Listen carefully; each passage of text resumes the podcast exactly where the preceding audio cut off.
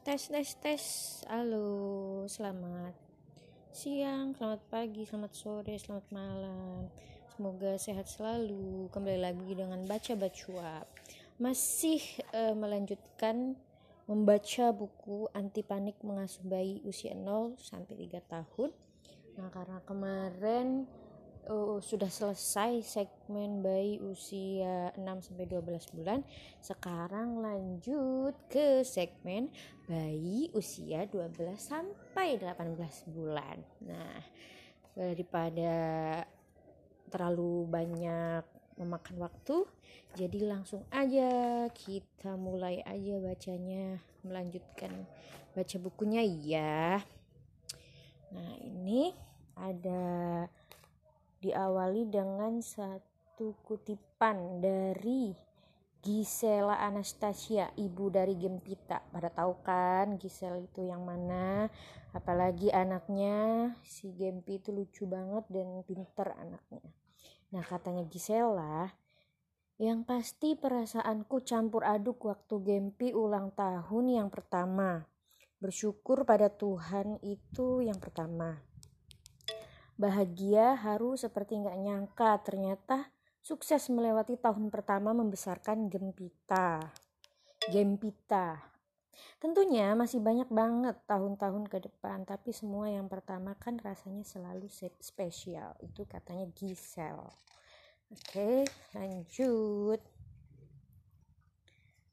Ini selanjutnya ada tips dan trik merayakan ulang tahun pertama. Yang pertama, durasi tidak terlalu lama, jadi satu jam aja gitu. Terus jangan terlalu ramai, tempat yang nyaman dan aman. Ini udah pasti ya, apalagi ini yang dirayakan ulang tahunnya masih anak-anak jadi usahakan tempatnya emang nyaman aman juga untuk anak-anak soalnya pasti yang diundang juga anak-anak kecil juga. Terus jangan jam tidur anak. Pastikan uh, perayaan ulang tahunnya juga tidak pada jam tidur anak.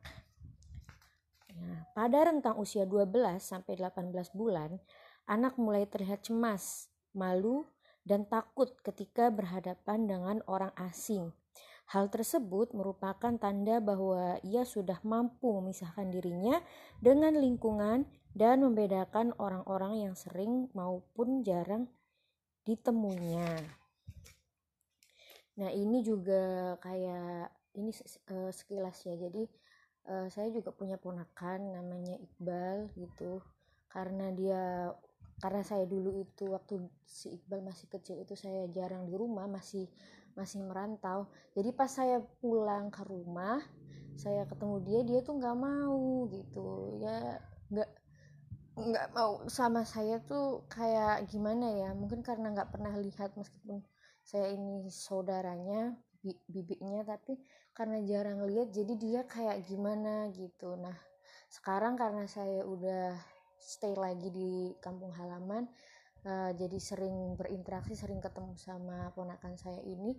Nah lama-lama ponakan saya sekarang mau sedikit main sama saya udah kenal nama saya mulai nyapa-nyapa saya gitu mulai sering senyum ketawa ke saya kayak gitu.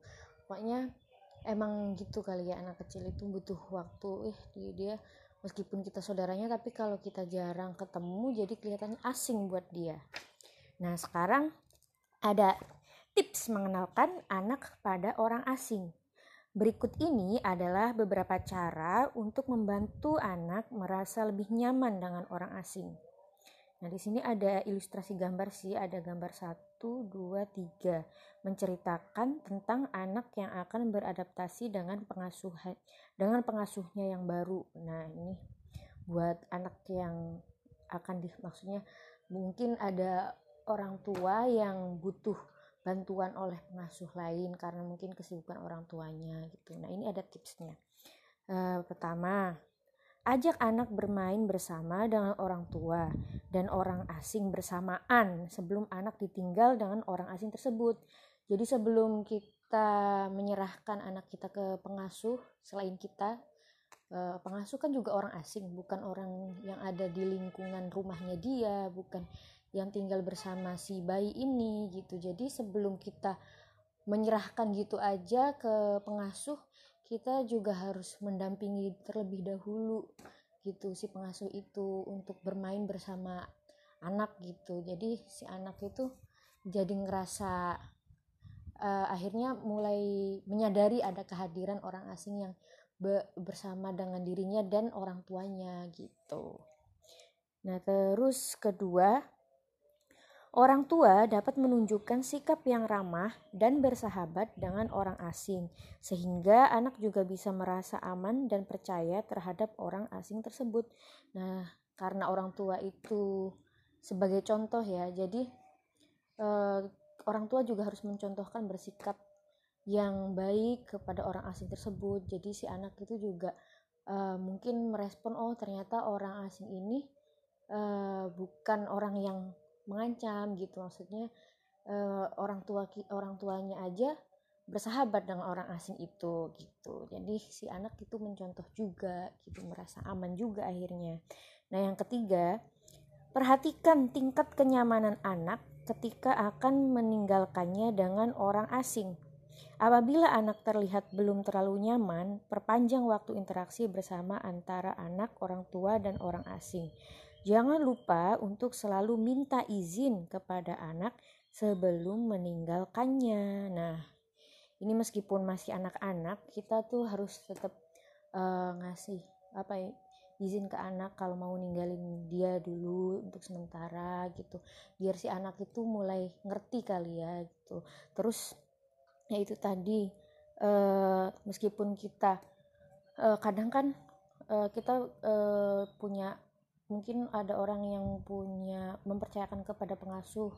Misal pengasuhnya itu kan pasti orang bukan sembarangan gitu udah punya pengalaman. Tapi meskipun kita mempercayakan ke pengasuh yang sudah berpengalaman tetap aja kita harus memperhatikan uh, keamanan dan kenyamanan uh, lingkungan si bayi ini gitu. Jadi pastikan uh, nanti pas si bayi ditinggalkan sama pengasuh tetap aman juga lingkungannya. Dalam artian mungkin tata ruangnya juga gitu. Terus ngasih tahu juga ke pengasuhnya mana yang baik mana yang enggak enggak boleh diberikan ke si bayi kayak gitu. Nah terus kalau emang masih si bayi ini atau si anak ini belum kebiasa dengan pengasuh ya harus diperpanjang lagi interaksi bersamaannya. Maksudnya interaksi yang melibatkan orang tua anak dan orang asing ini gitu. Oke nah lanjut ini di, di segmen sebelumnya kan juga sempat bahas tentang temperamen anak nah di sini ada ada lagi nih dibahas lagi temperamen anak temperamen anak juga berpengaruh terhadap mudah atau sulitnya anak beradaptasi dengan orang asing. Nah, anak dengan temperamen easy biasanya tidak membutuhkan waktu lama untuk beradaptasi dengan orang asing. Di sisi lain, anak dengan temperamen difficult atau sulit butuh waktu lebih banyak dan berkali-kali bertemu dengan orang asing. Itu jadi kita emang harus memahami temperamen anak kita masing-masing apakah dia termasuk yang easy, mudah atau yang difficult, susah. Nah, ini ada ilustrasi gambar uh, ada anak sama ibu. Nah, di sini anaknya ekspresinya lagi kayak khawatir gitu. Terus si ibu bilang, "Sayang, takut ya?" gitu. Nah, ini selanjutnya ada kutipan lagi dari Sigi, Sigi Wimala, ibu dari Maxim. Sigi Wimala ini juga artis juga, artis tanah air gitu. Nah, ini hmm, si Wimala bilang begini kami membiarkan Maxine untuk meluapkan atau menunjukkan emosinya sejak kecil. Jika dia senang, sedih, kesal, kecewa, kami ingin dia mengekspresikannya. Ada saatnya dia throwing tantrum, which is bad way to show her anger atau winning saat dia sedih atau bosen. Jadi ada saatnya dia itu tantrum gitu, di mana itu merupakan cara yang jelek gitu untuk menunjukkan kemarahannya gitu saat dia bosan dan sedih. Nah, perlahan-lahan kami mengajarkannya berbagai cara mengungkapkan dan menunjukkannya dengan baik tanpa merugikan orang lain dan diri sendiri. Nah, jadi kalau belajar dari pengalamannya Sigi Wimala ini, jadi dia anaknya itu awalnya itu punya apa ya untuk mengekspresikan kemarahannya e, di saat sedih atau bosan itu dengan cara yang tantrum dan menurut e, Sigi Wimala itu cara yang tidak baik. Gitu. akhirnya e, sebagai orang tua dia juga mulai mengajarkan e, bagaimana sih cara meluapkan emosinya agar tidak merugikan orang lain gitu. Dan tidak e, merugikan diri sendiri. Jadi kalau anak kita tantrum gitu e, pelajarannya ya kita jangan biarin gitu aja gitu. Perlahan-lahan kita harus e, mengajarkan atau mengarahkan si anak agar tantrumnya itu tidak e, membawa kerugian gitu loh. Nah di sini ada tips. Ngomong tadi kan tantrum nih ngomongin tantrum. Nah di sini ada tips dan trik mengenalkan emosi pada anak. Nah satu membacakan buku cerita mengenai emosi pada anak. Dua cari foto anak atau gambar di internet dengan berbagai ekspresi emosi kemudian tunjukkan pada anak sambil menirukan ekspresi pada gambar tersebut serta menyebutkan nama emosinya Eh, tiga, ajak anak untuk bermain menunjuk. Mana ya, dek wajah yang lagi sedih gitu. Nah, terus jadi kalau yang nomor dua itu uh, lebih ke gambar terus nyebutin nama emosinya gitu. Terus yang ketiga itu uh, si setelah diperkenalkan itu uh, kita minta si anak ngasih lihat mana sih ekspresi sedih, mana senang kayak gitu. Empat, ayah ibu juga menceritakan emosi yang sedang dirasakan pada anak. Misalnya, ayah senang sekali sayang bisa beresin mainannya. Lima, bermain boneka sambil membicarakan tentang emosi. Misalnya, halo, aku sedih karena buku ceritaku hilang di sekolah. Nah, Ketika anak menunjukkan suatu ekspresi emosi, orang tua membantu anak memberikan nama pada emosi tersebut. Misalnya, sayang senang, sayang senang ketemu ayah. Gitu.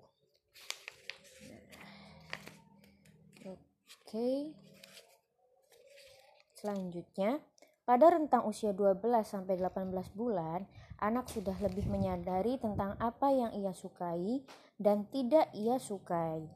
Selain itu, anak juga mulai bisa mengungkapkan perasaannya secara lebih ekspresif. Terlihat dari seringnya anak mencium dan memeluk orang tua kapan pun dan di mana pun. Ya ini ada gambarnya. Anak mempelajari berbagai hal lewat emosi. Salah satunya adalah berbicara. Untuk menstimulasi kemampuan bicara anak, kita perlu berbicara dengan anak menggunakan intonasi suara dan ekspresi wajah yang ekspresif. Dengan begitu, anak lebih cepat belajar memaknai arti dari kata melalui ekspresi dan intonasi yang ditunjukkan orang dewasa. Jadi buat bapak ibu yang uh, jaga suka jaim, kalau sama anaknya nggak usah jaim, ya ekspresif aja gitu. Kayak di sini ada gambar bayi, tulisannya mama, mama nah itu sekarang ada kutipan first word begin at about the first birthday. Kata pertama dimulai pada saat ulang tahun yang pertama. Di sini ada oke lanjut ya sedikit lagi.